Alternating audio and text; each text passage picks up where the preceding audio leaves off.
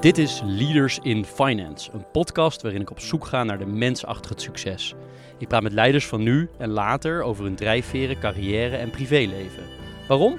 Omdat er meer gesproken moet worden in de financiële sector. Leaders in Finance wordt mede mogelijk gemaakt door Interim Valley, FG Lawyers en Biscuit.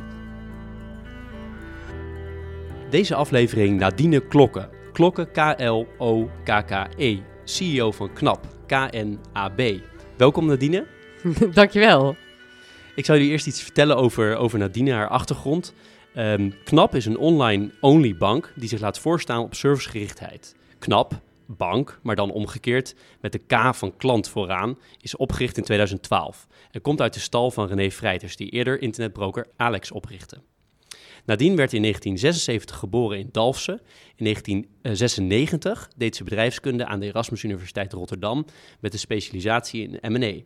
In 2002 begon ze aan haar traineeship bij ING en van 2002 tot 2019 had ze diverse leidinggevende functies binnen ING. Dit deed zij, deed zij in binnen- en buitenland en onder meer in Oekraïne. En passant voltooide ze tussen 2010 en 2015 ook nog even een rechtenstudie met master privaatrecht aan de VU. In 2018 begon Nadine aan haar laatste functie bij ING als Director Business Lending voor ING Nederland en België. Sinds augustus 2019 mag ze zichzelf CEO van KNAP noemen. Onder KNAP vallen sinds haar aantreden niet alleen Challenger Bank uh, KNAP, maar ook de activiteiten van Egon Bank. Ze woont met haar gezin in Utrecht en heeft vier kinderen. Ik heb me ontzettend verheugd op dit gesprek, dus laten we snel beginnen. Uh, en ik dacht het is misschien aardig om uh, van de gelegenheid gebruik te maken om een aantal dingen over, over KNAP te leren. Kan jij kort zeggen wat, wat KNAP eigenlijk precies is? Ja, natuurlijk. bij KNAP willen we dat onze klanten onbezorgd door het leven kunnen gaan als het over hun geldzaken gaat. En, en dan is het denk ik wel leuk om even terug te pakken op de oorsprong van KNAP, wat alweer zo'n 7, 8 jaar geleden is. We zijn toen gestart een beetje in de uitloop van de crisis als tegenbeweging tegen de grootbanken. Dus uh, daar waar de grootbanken het imago hadden dat de bank vooral voorop staat, hè, veel kleine lettertjes en producten waarvan je echt achter je oren kunt kriebelen, uh, is uh, knap gestart met de klant, echt in het hart van zijn dienstverlening. Dus die menselijke kant en de aandacht voor klanten en echt de mindset dat we er voor onze klanten staan, dat is een, een, een wezenlijke footprint in het bedrijf dat we zijn. Dus ook al waren we de eerste online bank, het menselijke component is, is cruciaal. En los van de menselijke component, kan je er ook nog wat uh, getallen aan toevoegen? Hoeveel mensen werken hier precies? Hoeveel klanten zijn er? Dat soort dingen? Ja, zeker. Uh, we hebben zo'n beetje 600.000 klanten. Uh, er werken nou, ruim 450, 500 man. We hebben een balanstotaal van rond de 16 miljard. Dat geeft, geeft wel een beetje beeld. Absoluut, absoluut. Ja, en misschien is het wel... Ik weet niet of het jou ook is opgevallen, maar... Um, als je kijkt naar de manier waarop we de dingen doen, dan zie je ook een beetje die identiteit die ik net beschreef, zie daar terugkomen. We noemen dat hier binnen in ons, uh, uh, in ons huis, noemen we het de knapstijl. Uh, en dat zit heel erg op zaken als um, ja, slimme signalen afgeven aan je klant, commercials die we zelf draaien met onze eigen mensen. Dus er zit ook wat in van doe maar gewoon. dat is gek genoeg, hè? maar dan is het ook wel gelijkertijd gek met een knipoog. Dus een stuk plezier is ook belangrijk. Slim omgaan met data, relevantie toevoegen op de klantbase. En een hele sterke, hele persoonlijke klantenservice die ja, extreem goed gewaardeerd wordt. dus aan de menselijke kant is dat, maar ook in de, in de, in de hele contentstrategie en op de website. Alles, echt alles ligt rond die klant. En dat is voor mij ook om hier te werken, dat is super cool als ik iets zou willen wat afwijkt van het klantbelang, dan moet ik dat eerst aan iedereen uitleggen. Dus dat uh, gebeurt ook niet. Dat is, uh, is echt, echt heel erg stimulerend. En hoe belangrijk is de, de tech-kant voor het bedrijf? Ja, het is uiteindelijk heel belangrijk. Voor ons is natuurlijk de core van wat we doen is uh, digital experience. En dan een, een soort van human mogelijke digital experience geven. En dat is code. heel plat, dat is code. Dus die tech-kant is super belangrijk. Alleen puur tech, dan kom je er ook weer niet. Dus het gaat, uh, wat mij betreft, heel erg om de combinatie tussen um, mensen die de, de, de klantkant en de marketingkant, de productkant goed beheersen, propositiezijde en de tech uh, samen. Dat zijn dus niet aparte disciplines, dat zijn echt teams die met elkaar dingen maken voor klanten die de wereld beter maken. En hebben jullie die tech in huis of hebben jullie dat uitbesteed? Of hoe moet ik dat zien? Uh, die hebben we grotendeels in huis. Ja, we geloven ook heel erg, zeker daar waar het verschil gemaakt wordt, dus in de user experience, dat we dat ook echt zelf willen doen. omdat je daar, dat, dat is waar het gebeurt voor de klanten. Dat is ook wanneer je de ervaring hebt dat iets lekker gaat of niet. En hetzelfde geldt bijvoorbeeld ook voor de klantenserviceactiviteiten. Het is weliswaar geen tech, maar wel super belangrijk. Ook dat doen we in huis. Dat zijn hele belangrijke uh, elementen voor ons, voor ons succes. Ja, want mijn ervaring is dat uiteindelijk de tech-kant en de cultuurkant, dat dat de twee belangrijkste elementen zijn voor succes van organisaties. Hè. Spreek me tegen als je het niet met me eens bent. Maar als je kijkt naar die cultuurkant, hoe omschrijf je die hier? Uh, de cultuurkant is een, uh, een, een, een open club. Um, een club die uh, ondernemend is, positief is, in de zin van constructief, hè, dus bouwend op elkaar. en die menselijk is.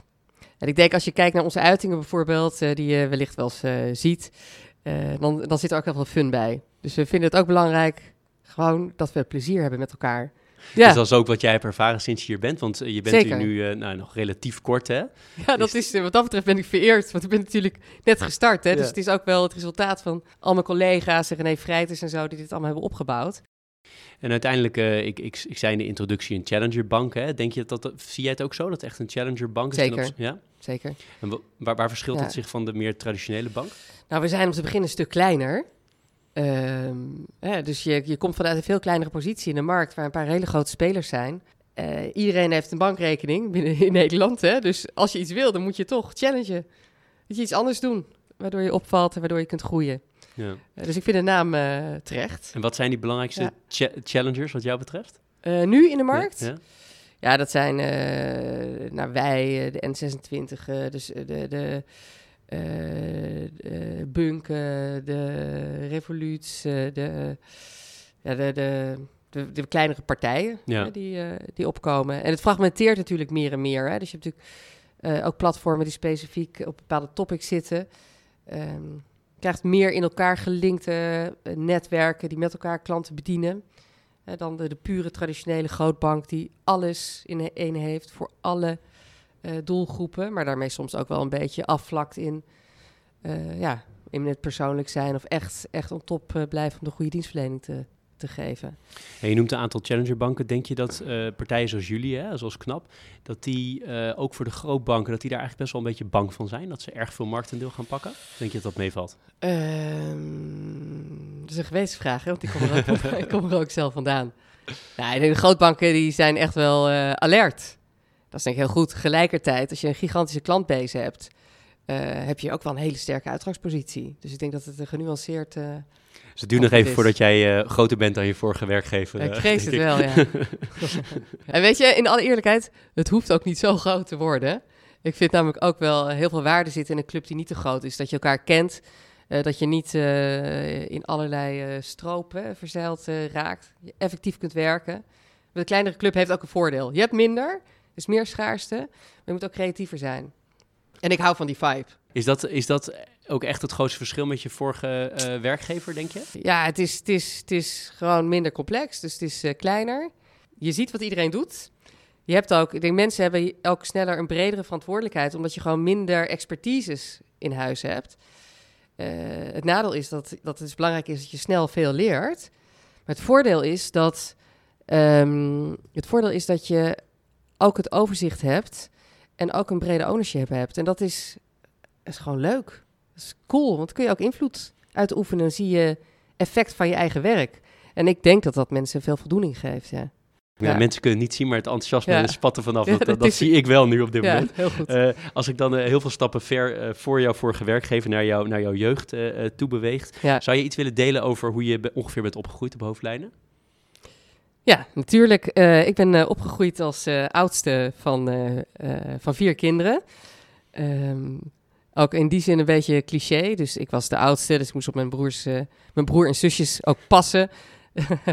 dus het werd al snel wel uh, overzicht en verantwoordelijkheidsgevoel is er wel een beetje zo inge, ingepompt. Het was ook altijd druk bij ons thuis. We hadden ook nog een hond. Daar was ik veel mee op pad. Ik hield ook wel heel erg van de natuur, van buiten zijn. Ja, verder, wat, wat deden we verder? We gingen altijd in Nederland op vakantie. Eh, kan ik me herinneren, naar het strand. En eh, in de weekenden vaak varen op eh, de Loosdrechtse plassen. Dus veel op het water gezeten. En toen ik wat ouder werd, mocht ik zelf met mijn vrienden het water op. Vond ik altijd wel heel- echt heel erg leuk. Dus ik was denk ik wel ondernemend aan de ene kant, veel buiten, op pad met anderen. En aan de andere kant was ik altijd ook heel veel aan het lezen.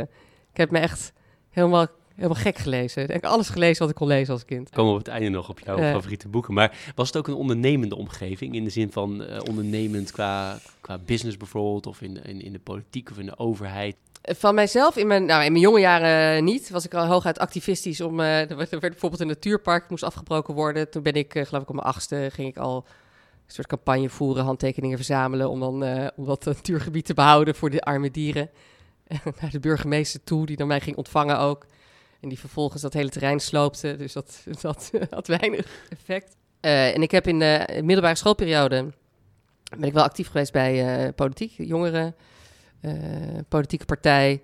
Met name om gewoon wat meer mening te gaan ontwikkelen over wat er in de samenleving gebeurt. Vond ik wel belangrijk. Ehm, ja, Want Ja. wij, wij, wij bereiden altijd, eh, we proberen altijd alles te zoeken wat we kunnen vinden op, op, het, op het web van, Ja, eh, ja. van, gasten. Eh, we zagen ook iets over jouw grootvader. Wil je daar iets over vertellen? Ja, nou, ik had op zich, dat is wel grappig, mijn beide grootvaders hadden alle twee rechten gestudeerd. En de een is rechter geweest op de Antillen. En dat was een, een man die heel erg, laten we zeggen, ehm, wel wat zwart-wit was, maar ook het heel erg opnam voor de, eh, niet per se voor de mensen die het, eh, voor, de, voor de klassenjustitie, zeg maar. Dus nam het op voor de, ook voor de arbeider in die settings. En dat maakte het heel moeilijk in die tijd voor hem, want zo werkte niet altijd die context. Mijn andere grootvader die zat in Nederland en die was, werd daar ook eh, op een gegeven moment rechter, zelfs in de Raad van State. En die was dus eigenlijk heel succesvol in de Nederlandse politiek. Dus die twee grootvaders van mij, dus de een is eigenlijk eh, eh, daarvan eh, afgedwaald teruggekomen naar Nederland en is in, in meer een adviespraktijk terechtgekomen. Eh, maar was iemand die echt heel erg voor zijn principes stond en daar niet, eh, uiteindelijk niet in door kon, omdat het hem ook hinderde. Eh, en de ander, die is daar wel in doorgegaan en wist dat dus beter te plooien. Had ook een makkelijkere context. Nederland was in die zin al veel, natuurlijk veel verder. En die deed veel ook in de politiek. en ook voor Nederland ook heel actief in het verenigingsleven. Zowel voor de samenleving, maar ook met leuke dingen. Ook in theaterverenigingen, weet ik veel, allemaal dat soort zaken. Dus en dat was voor mij wel een inspirerende man. Ik ging altijd met hem fietsen buiten. En dan, eh, ja, dan, dan, dan, dan kon ik een beetje door zijn, zeg maar, geest en ogen al een beetje mee de wereld verkennen. En dat, eh, ik heb het wel eens heel waardevol ervaren. Ja, En kan je nog herinneren wat je vroeger wilde worden? ja, als- Los van natuurbeschermer. ja, ja, ja. Nou, dierenarts. Ja. Het is Ja. past lekker in lijn. En dierenarts was dus meer vanuit het idealisme. Dat ik dacht, laten we kijken hoe ik kan helpen om dan die wereld mooier te maken. Eh, want ik, ik kan me ook herinneren dat ik toen ging meelopen bij een dierenarts. Want ik was eigenlijk wel benieuwd, wat doen ze dan ook echt? En de wat meer praktische kant ervan, dat was toch niet helemaal mijn ding. Eh, dus dat idee, dat, eh, dat verdween toen ook weer. Ja, maar dat was wel de eerste, ja, de eerste jobgedachte die ik had. Als je dan verder, ehm, verder in, je, in je meer begin van je carrière kijkt, zijn er bepaalde mensen, je hoeft misschien geen namen te noemen, mag wel, maar mensen geweest die jou heel erg beïnvloed hebben in, eh, in, jouw, in jouw loopbaankeuzes? Of zijn er mensen geweest die, echt als, ja, die jou heel erg gemotiveerd hebben om, eh, om inderdaad zo snel stappen te maken als dat je gedaan hebt? Eh, nee, ambitie in de zin van snel stappen maken is ook nooit een ambitie geweest voor mij. Dat vind ik ook niet, dat is geen doel of zo. Op de middelbare school had ik wel een docent Latijn en die, eh, wat, wat hij deed was ons uitdagen om zelf na te denken en zelf dingen te vinden. En dat vond ik heel erg inspirerend. Ik heb, me, ik heb daar feitelijk misschien niet zo heel veel geleerd, maar ik heb wel heel veel geleerd. En, ehm, en die kon met verwondering altijd kijken naar de wereld om zich heen. Een soort gretigheid eh, om te leven en te kunnen toevoegen. En dat heb ik wel als een inspiratiebron meegenomen. En datzelfde geldt. Na mijn middelbare school heb ik nog een jaar, een soort tussenjaar gedaan. En secretaresseopleiding was dat. Ehm, zowel medisch als niet medisch. En daaraan vast zaten de mogelijkheid om stage te lopen op verschillende onderdelen. Dus ook eh, in de bejaardenzorg, op de operatiekamer, eh, allerlei aspecten van de samenleving. Dat gaf me wel, ik vond het wel heel fijn, want het geeft een, bredere, blik, ook al is het misschien niet mijn pad vandaag. Eh, ik vind het wel belangrijk om die brede blik te hebben. En er was één zuster, dat was onze directrice. Ze heette Zuster Margaret. was een non met een glazen oog. Ehm, ik, ik portretteerde misschien nu gek. Ze is net overleden afgelopen kerst. Daarom popt ze misschien ook wel in mijn hoofd nu op. Ehm, en zij was... Zij had natuurlijk... Zij had haar leven gegeven aan de orde waarin ze in, eh, in werkte. En leidde dan die meiden op in een hele vormende fase van ons leven. Hè. Er zaten kinderen uit eh, heel Nederland, zaten we daar een jaartje op school. En spraken veel met haar. En zij was zo ehm, inspirerend in haar mens zijn. In het aandacht hebben voor mensen, in het luisteren, in guidance geven. In hè, probeer nou vanuit nieuwsgierigheid en onderzoekendheid hè, die wereld te betreden. Uh, dat ik, en ik heb altijd jarenlang contact met haar ook gehouden. Dat, is ook een, gewoon echt een bijzondere ontmoeting. Iemand die voor mij ontzettend waardevol is geweest in mijn leven. En uh, het zijn meer dat soort portretten, denk ik, die ik uh, met me meedraag. En die soort van, weet ik veel, bijschijnen op de weg die ik maak. En die eerder getekend is door de wil om bij te dragen, het plezier om met elkaar dingen te creëren en ook om te blijven leren. dan dat ik snel stappen wil maken of zo. Dat is Nee, dat herken ik niet. Dat gebeurde. ja, dat is eerder gevolg. Ja, ja, Want hoe, hoe motiveer jij mensen? Je hebt al een hele lange tijd stuur je teams aan. Uh, je hebt nu ook weer een groot team. Uh, hoe ja. hoe zorg je ervoor dat mensen het beste uit zichzelf halen en het beste ook voor de organisatie zijn? Nou, te beginnen is een beetje een cliché. Begin wel om met elkaar te bepalen waar willen we heen? Wat is de richting? Ja, dat is natuurlijk super cliché. Het is wel enorm belangrijk, want anders loop je alle kanten uit. En ik hou niet zo heel erg van als het helemaal een soort anarchie wordt. Dat is één. Dat gezegd hebbende, zit het er volgens mij in dat ik, er, dat ik probeer mensen te ontdekken ook. En te zien welke ideeën er te leven, wat, wat iemand kan inbrengen. Waar misschien, waar ik vermoed dat er onbekend of nog onzichtbaar talent zit. En dan is het eigenlijk samenwerken, interacties, uh, waarop ik dat probeer ruimte te geven. Um, in combinatie met plezier. Het is ook gewoon uh, mooi om dan te zien dat iemand ergens lol in heeft. En dan, als ik dat mee kan accommoderen, zodat het groeit en meer wordt, focus het liefst op die kant, zeg maar. Dan komt er iets in beweging. En dan gaan mensen vaak mee, maar niet altijd hoor. Lukt ook niet altijd. Want wij kennen elkaar nu uh, een half uur of zo. En je komt op mij over op iemand, als iemand die heel positief is en optimistisch is. Ik weet niet of het waar is, maar betekent dat ook dat je mensen om je heen moet hebben die dat ook zijn? Als het überhaupt klopt wat ik zeg. Eh, ja, ik denk dat het deels klopt. Ik ben wel, ik denk positief van aard, klopt. Dus ik kijk eerder naar, als er iets niet mee zit, nou oké, hoe kunnen we dan wel door? Dat is wel een, een, eh, basisprogrammering, heb ik denk ook vanuit huis een beetje meegekregen. Um, uh, ik vind wel diverse groepen leuk, dus ik hou ook wel heel erg van uh, opposing views. Maar ook dat geeft mij plezier.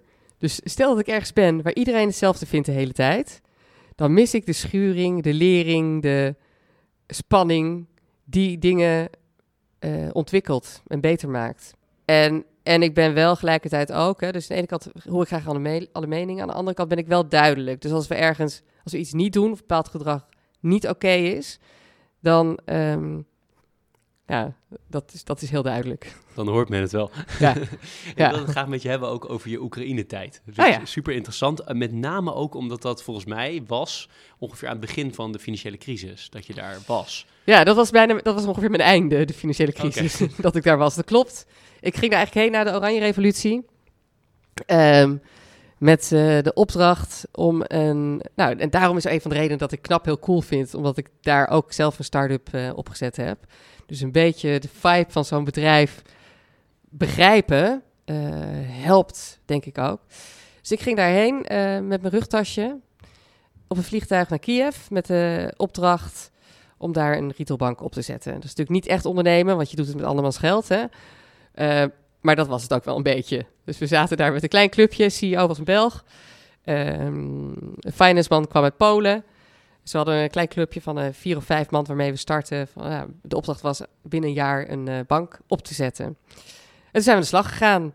En in alle eerlijkheid, toen ik daar ja, te ja tegen zei, dus toen ze mij vroegen, joh Nadine, we hebben deze baan, is dat iets voor jou? Toen heb ik geloof ik meteen ja gezegd in alle eerlijkheid terugkijkend, ik denk dat ik uh, 80, 90 procent niet overzag wat de baan ging inhouden. Wat ik er wel, wat, dat weet ik nu. Hè. Dus we zijn heel vaak tegen de muur aangelopen dat we iets niet hadden bedacht. Of aan de techniekkant, hè, dat we wel eh, dat we de infrastructuur niet goed genoeg doordacht hadden. Of uh, nou, zoveel aspecten die daar toen bij kwamen. Maar het hebben tegelijkertijd wel een enorm vertrouwen gegeven in. Zelfs als je daar zit met een groep mensen internationaal die je niet kent, in een land waarvan je de taal niet spreekt, maar je hebt een, een doel, je hebt er zin in om met elkaar voor te gaan, dan kun je, we zitten niet in, we zijn geen raketten aan het bouwen naar de maan, hè? Dus wat wij doen, je kunt een heleboel gewoon met elkaar oplossen. En als je het zelf niet weet, haal je iemand anders erbij. Um, en dat is, ja, dat heeft wel ongelooflijk veel plezier uh, gebracht. Kan je nog je eerste dag herinneren toen je daar, ik neem aan in Kiev, of uh, waar je zat, aankwam? Uh, ja, nee, ik kan het zeker herinneren. Ik weet nog dat ik een soort van een beetje alleenig uit het vliegtuig kwam. Met een ontvangsthal waar allemaal taxichauffeurs stonden met een bordje. Waar ik ook geen bordje zag met mijn naam. Was natuurlijk niet zo gek. Want er was ook niet echt iemand om me op te halen. Dus ik moest gewoon ergens naartoe en daar kwamen een paar anderen ook heen. En, uh, en dat ik toen ook mijn hotelrekening moest betalen. En ik was student. Ik dacht, ja, maar er is hier natuurlijk helemaal niet. Bij een groot bedrijf, als je in Nederland voor uh, een bedrijf ergens heen gaat, dan is soms bijvoorbeeld een hotel geboekt of zo. Maar hier, oh nee, ja, dat moet ik gewoon zelf, moet ik gewoon zelf doen. Weet je wel? En dan, oh, we moeten locatie vinden. Dat was voor de eerste dag, waren we computers gewoon hadden gekocht, waren we aan het uh, neerzetten. Allemaal heel simpel. En dat was gelijkertijd dus ook superleuk. En dan waren we aan de finance kant de boekhoudschema's aan het opzetten en uh, productdesigns aan het maken en de partijen en de mensen aan het werven. Ik wil natuurlijk vooral met heel veel lokale mensen werven, dus dat werken, dus dat was veel werk. Kantoorlocaties vinden, super praktisch. Was toch eigenlijk wel echt ondernemerschap als ik dit zo hoor? Ja, het is nogmaals, het is niet met je eigen geld, dus dat... Oké, oké, maar toen je bij Knap kan was er wel uh, ontzettend veel meer geregeld, denk ik. Uh. Nee, zeker. Nee, dit is natuurlijk al echt gevestigd bedrijf. Dat was het even wat in die zin, uh, we hebben het echt van scratch opgezet. We hadden twee weken uitloop, ben ik nog steeds trots op. We hebben ons wel echt helemaal, echt, echt helemaal gek gewerkt. Um, en dat was af en toe ook wel scherp onderling. Maar wel steeds gewoon met elkaar werken, kom je tot hele goede uitkomsten. En aan het einde hadden we cycliweek nog wel van twee uur. Dan twee uur werken en dan weer terug. Oké, welke impediments hebben we nu nog? Oké, wat gaan we dan doen? Oké, okay, weer aan het weer op twee uur terug. Waar staan we nu? Dat soort cycli aan het einde, joh. Dat was echt... Maar het was een soort van uh, liquid uh, adrenaline waar ik middenin zat.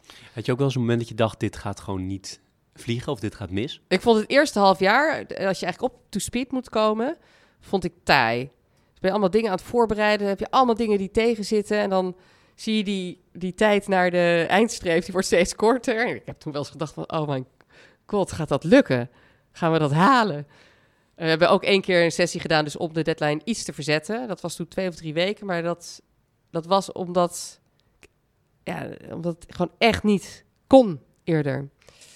Uh, maar goed, die twee, drie weken zijn te overzien. Maar in die aanloopfase heb ik dat wel eens gedacht. Of uh, dat we rond een topic zaten. En, en, dan, en dan is het geluk dat je onderdeel van een groot bedrijf bent dat we know-how in, in lieten komen, omdat we het zelf niet, uh, het, ja, gewoon niet wisten. Is dit je meest leerzame periode geweest in je carrière tot nu toe? Uh, dat is een hele leerzame periode geweest. Een hele leerzame periode was ook. Uh, ik heb ook een tijd ergens gewerkt. waar eigenlijk heel weinig willingness was om te veranderen en te verbeteren. Um, en waar eigenlijk mijn stem niet gehoord werd. Dus eigenlijk de plek waar ik misschien het minst succesvol was. Ik kon wel mijn baan doen, maar eigenlijk alles wat ik wilde doen om het vooruit te brengen, daar was helemaal geen animo voor. Vond ik onwijs zware tijd. Hoe motiveerde je jezelf toen in die tijd? Uh, nou, door het geloof dat ik dacht, maar weet je, de, de proef is in de eating. Dus dat ik laat, als ik het maar blijf laten zien, dan, uh, dan lukt het wel. En dat, dat was niet zo.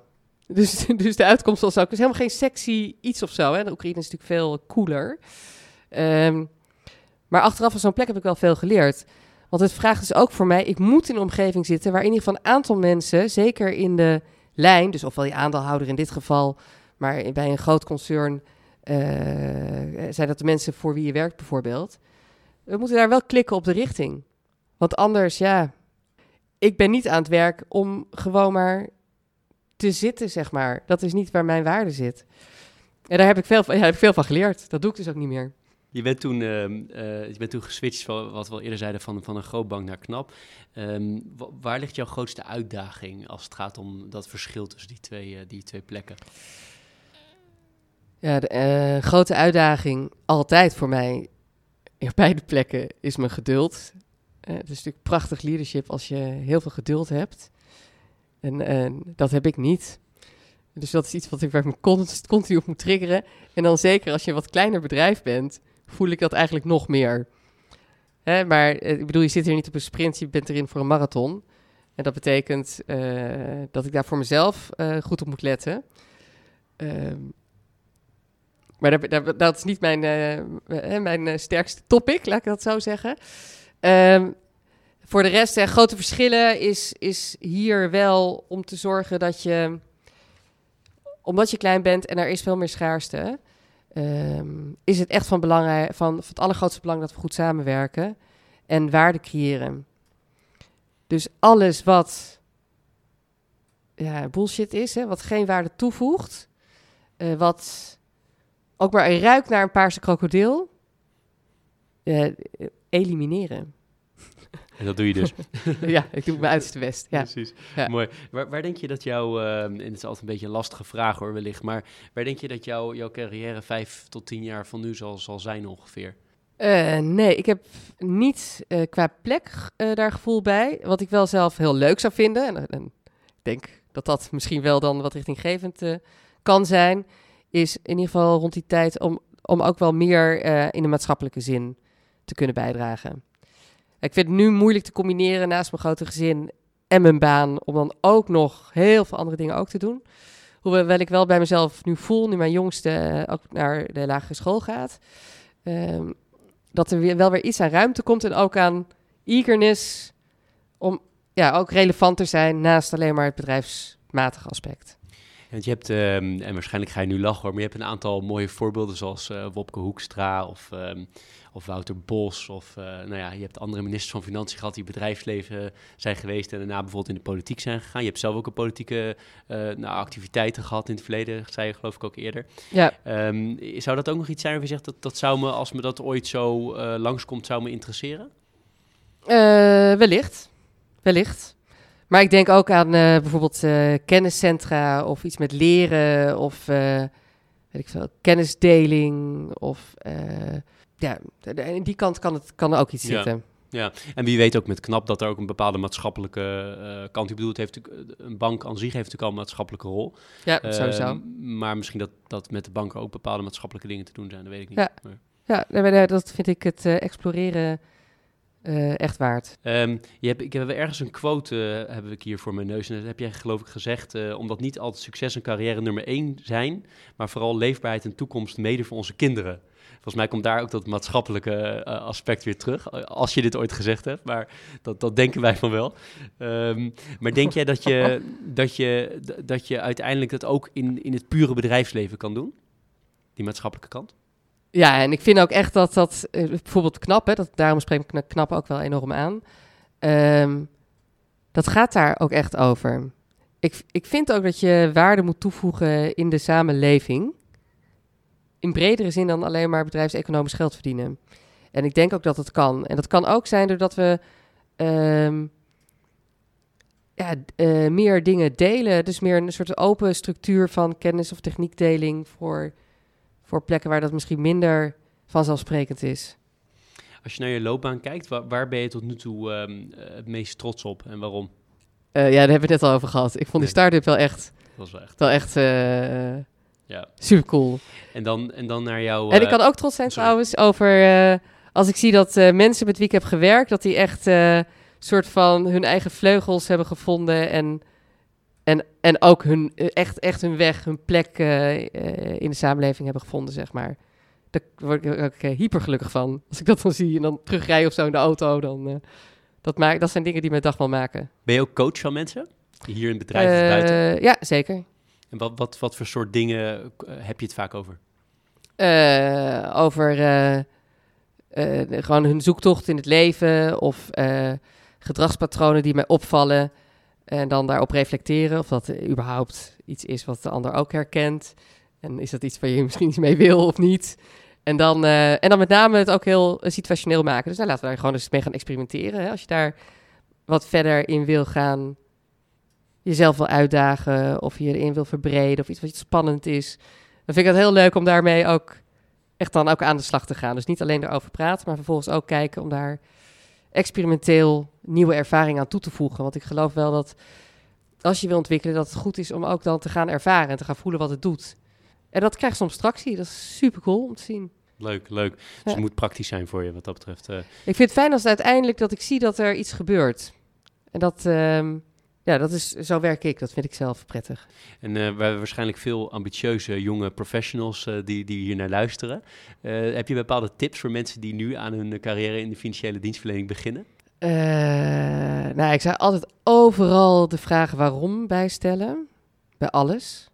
En daarnaast ook altijd reflecteren met de mensen met wie je werkt. Niet alleen op de inhoud, maar ook op... Hey, wat gebeurt er nou? Ik voel, ik noem wat. Het is onze bepaalde spanning. Eh, wat gebeurt er nou? Om de dingen op tafel te brengen. Om het echte gesprek te voeren met elkaar op een ander niveau. En als je dat doet en dat aandurft, eh, dat verbindt. Omdat ik ook wel, nou, maar dat is misschien de positieve kant weer. De intentie volgens mij van iedereen die aan het werk is, is om er iets van te maken. Alleen soms zijn allemaal mensen in onze eigen patronen, ik ook. Hè? Wat ik vertelde net al, mijn ongeduld kan voor sommige mensen echt super irritant zijn. Het is goed om dat expliciet te hebben. Er zijn natuurlijk altijd best wel veel mensen als je aan de top van de organisatie staat die, eh, die tegen je opkijken. Je hebt die mensen die, die dat ook niet doen natuurlijk, maar je hebt ook altijd een groepje die dat wel doet. Ook al, ja, dat zou je misschien, dat is, dat, het is zo, zou ik durven beweren. Ehm, kan je daar, dat vind je vervelend denken of niet, als mensen dat doen? Ja, ik heb zelf niet heel erg veel met eh, hiërarchie. Dus ik vind het leuk als ik iets kan toevoegen aan iemand. Maar ik vind het ook heel leuk om van mijn collega's te leren. Dus in die zin kijk ik ook op tegen mensen die briljant met hun klanten omgaan. Fantastische eh, oplossingen coderen. eh, nieuwe proposities verzinnen. eh. dus ik kan me voorstellen dat mensen tegen mensen opkijken. Ik doe dat ook wel. Maar dat zit meer op de uniekheid van die mensen dan echt op positie. Als je eh, naar even naar jouw privéleven, daar hoeven we niet helemaal in te duiken, maar heel, heel erg op hoofdlijnen, kan je daar ook Super iets exciting. ja, Ja, hoor, tuurlijk. Ja, ja, dan beginnen we met iedereen aankleden 's ochtends. En dan eh, boterhammen maken in de zijn lunchtrommeltjes. vier kinderen, Zo, vier kinderen. Drie, vijf, zeven en tien. Ja. Twee meiden, twee jongens. Eh ben ik ook eh hemelsgelukkig mee. En een hond ook. Ehm, door de week zijn wij best wel gewoon echt wel hard aan het werk. Mijn man en ik. Proberen dat wel in de ochtenden af te wisselen en zo. In de weekenden doen we veel met elkaar. Afgelopen jaar hadden we met bijvoorbeeld met eh Oud en Nieuw dachten we van ja... Kijk, de echte feestjes van vroeger met al die, met al die kinderen, dat, dat deden we eigenlijk niet. Maar toch is het wel fijn om het ook gewoon te vieren. eh, Het, leven te vieren, met elkaar plezier te hebben. Dus we hadden deze keer allemaal vrienden uitgenodigd met hun kinderen ook om bij ons te komen. Met luchtbedjes en slaapzakken. Het hele huis vol. Eh, maar dat was echt zo'n rijkdom. Was, eh, staan, ik heb weer tot, tot diep in de ochtend staan dansen in de huiskamer. Dat had ik lang niet gedaan. Ehm, maar dat was eh, wel echt heel erg, eh, heel erg fijn. En verder, wat wij zelf veel doen... we hebben een, een bouwprojectje in Noord-Frankrijk, al, al zes jaar. Dat is echt een bouwproject. Over een vriendin van jou, geloof ik, in het FD, zei een krot in, eh in ja, Frankrijk. ik, er zijn verschillende meningen over. Dat klopt. En er moest ook veel gebeuren. We moeten nog steeds eh, hout hakken om eh, de verwarming op te stoken, zeg maar. Dus het is, het is wel wat primitiever dan, denk ik, veel mensen gewend zijn. Maar het gaf wel echt een, eh, een hele goede, ja, ik weet niet, tegenenergie. Ik woonde heel lang in Amsterdam Oud-West. Op 80 vierkante meter met mijn vier kids. Nu dan in Utrecht. Iets ruimer, maar ook nog steeds in de stad. Natuurlijk altijd veel aan het werk met veel mensen. intensief bezig. En dan gingen we in de vakantie of in het weekend gingen we daarheen. En we gewoon buiten heel basaal inderdaad hout hakken, vuurtje stoken, naar de bloesem kijken aan de bomen. ehm, Mark aan het klussen, ik met de kids een beetje in de weer. Ehm, ik, ik vond het wel mooi. Het, was, het is- gaf wel ook weer afstand en wat reflectiemogelijkheid voor mezelf. Dat ik even uit de run en dan in de afstand eh, kom. Dat doen we ook veel, want het wordt, ieder jaar wordt het een beetje mooier. Het is toch wel een intens privéleven en een intens werkleven. Eh, is het wel eens dat het niet te managen is, die twee? Nou, ik vond het, het, het eigenlijk het enige jaar dat ik het echt zwaar vond, was toen mijn vierde geboren werd. Ehm, die eh, sliep eh, de eerste periode echt heel slecht. En toen vond ik het wel intensief, want ik was en eh, ja, echt heel hard aan het werk. En we hadden natuurlijk al drie kinderen. En we gingen ook nog verhuizen. En ik had mijn vierde keizersnee gehad. En dat, dat liep allemaal parallel. Toen kan ik me wel herinneren dat ik op een gegeven moment wel rondliep en ik dacht, hmm, Volgens mij wordt mijn zicht nu iets minder. Ehm, en eh, toen heb ik volgens mij ook twee weken vrijgenomen. Even gewoon een paar nachten slapen om weer het energieniveau gewoon te krijgen. En dat was ook wel verhelderend. Dat je kunt heel veel aan, maar soms zijn er omstandigheden waardoor het even anders is. En dan is het heel oké om zelf ook even aan de rem eh, te trekken. En een andere, andere situatie die ik had meegemaakt was toen mijn tweede kind geboren was. Kwamen we er een maand achter dat hij een eh, hartafwijking had. Wat we helemaal niet door hadden. We dachten gewoon, wat slaapt hij rustig door iedere nacht. Maar goed, dat had daar wellicht wat mee te maken. En, eh, en toen was het risico dat hij geopereerd moest worden in de eerste maanden van zijn leven. Dat was ook heel makkelijk. Toen ben ik gewoon, eh, ik heb ik zes maanden ben ik thuis gebleven. Ben ik gestopt met werken. Eh, en dat, wat ik ook interessant daaraan vond, was dat die keuzes waren ontzettend makkelijk. Dus je zult misschien denken van, jeetje, ambitieuze dame, die is verslaafd aan werken en echt high, high adrenaline. Klopt. Maar het is echt ontzettend makkelijk om daar vanaf te stappen als andere dingen belangrijker zijn. En het geeft ook wel, denk ik, een bepaald voor mij perspectief naar anderen als er dingen zijn. Dat ik daar ook, waar ik misschien vroeger toen ik net startte, daar wat minder mild naar keek. Is, dat, is mijn perspectief daar ook wel in, eh, in verbreed. Ja. Het klinkt ook alsof je dan op dat moment direct je gevoel volgt. Omdat je gewoon weet, dit moet ik doen. Ja, ja was voor mij geen optie geweest om, eh, ja, om er niet te zijn. D- dat onderwerp van privé-werk, dat is toch wel heel interessant. Omdat je ziet gewoon ongelooflijk veel mensen met burn-out-achtige verschijnselen. Tenminste, ik kom ook overal continu weer dat probleem tegen.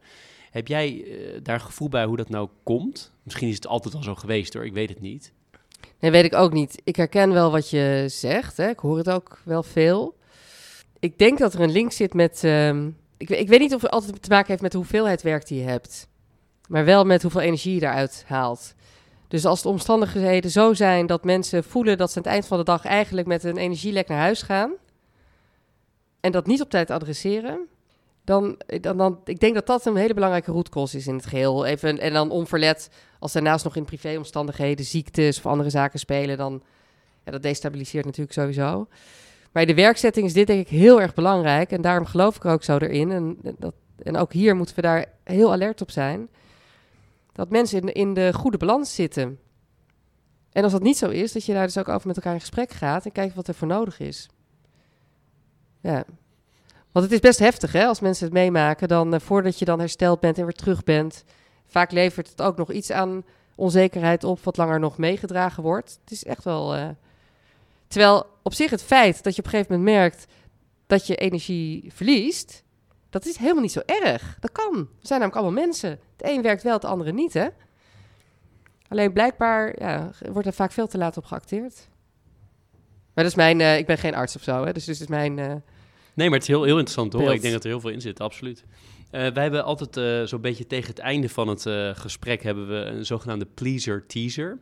De pleaser die gaat zo over jouw jouw leesenthousiasme, want je hebt vast wel een paar boeken die je met ons wil, wil delen. Ja. We hebben ook een teaser. Eh, en kijken hoe je daar, eh, hoe je daar eh, wat je daarvan vindt. En dat gaat meer over knap. Ehm, en we hebben opgeschreven, knap krijgt het steeds moeilijker te onderscheiden, naarmate alles minder nieuw is en de bureaucratie langzamerhand toeneemt omdat je groter wordt. Nu zijn natuurlijk een enorm succesverhaal, het is enorm hard gegroeid, maar het zal lastiger worden. Je krijgt op een bepaald moment ook waarschijnlijk met legacy systemen te maken. Die in het begin heb je die natuurlijk niet, daar onderscheid je je juist. Dus het zal steeds lastiger worden om je te onderscheiden. Eh, ik denk dat de risico's toenemen als je groeit. Inderdaad, op die, volgens mij hebben we het ook besproken, hè? bureaucratie erin komt. Eh, dus daar ben ik ook super alert op. Gelukkig heb ik van nature daar eh, niet zoveel mee. Dus ik denk dat dat betreft het ook misschien niet voor niets is dat ik hier zit. Qua onderscheidend vermogen. Ik vind onderscheidend vermogen qua, qua branding ook van knap echt heel goed.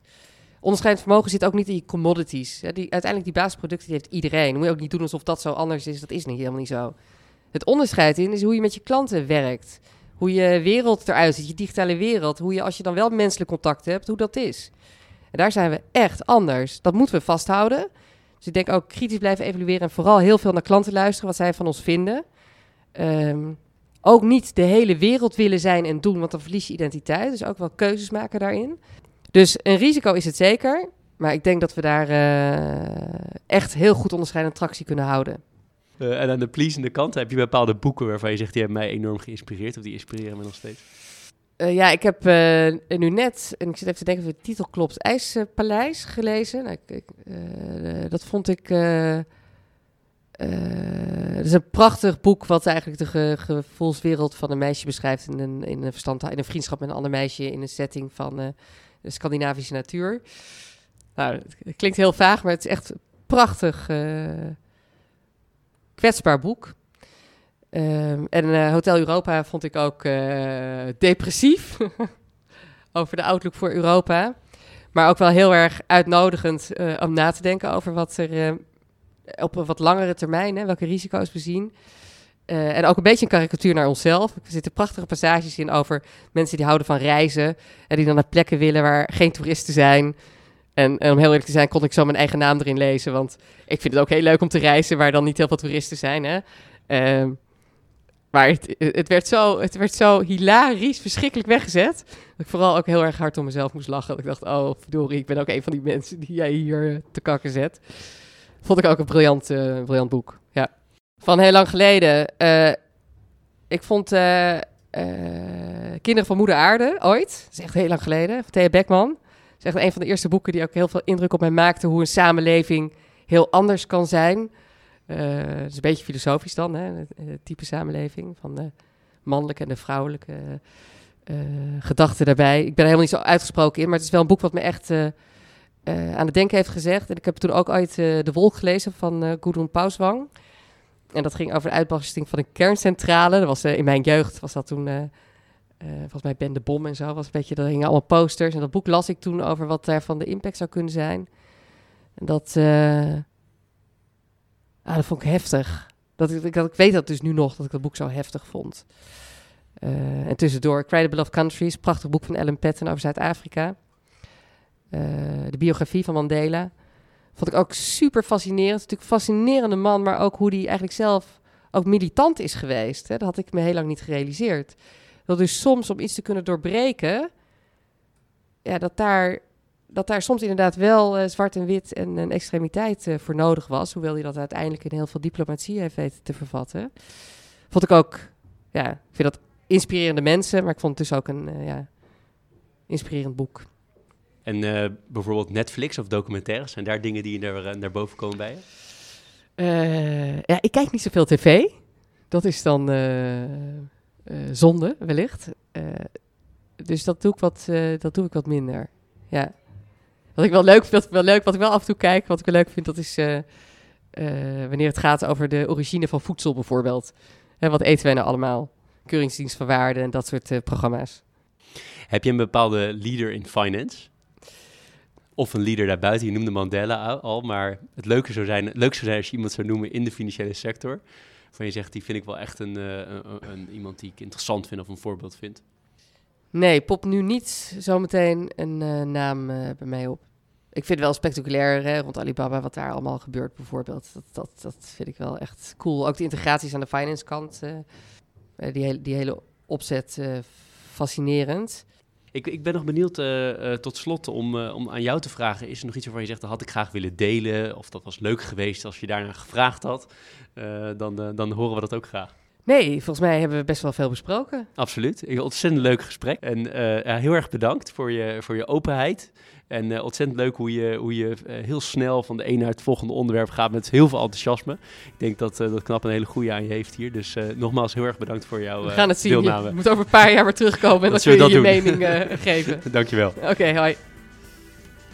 Dit was Leaders in Finance. Elke week weer een nieuwe aflevering. Elke week weer een mens achter het succes. Ik vind het belangrijk om te zeggen, deze podcast zou er niet zijn zonder onze partners Interim Valley, FG Lawyers en Biscuit.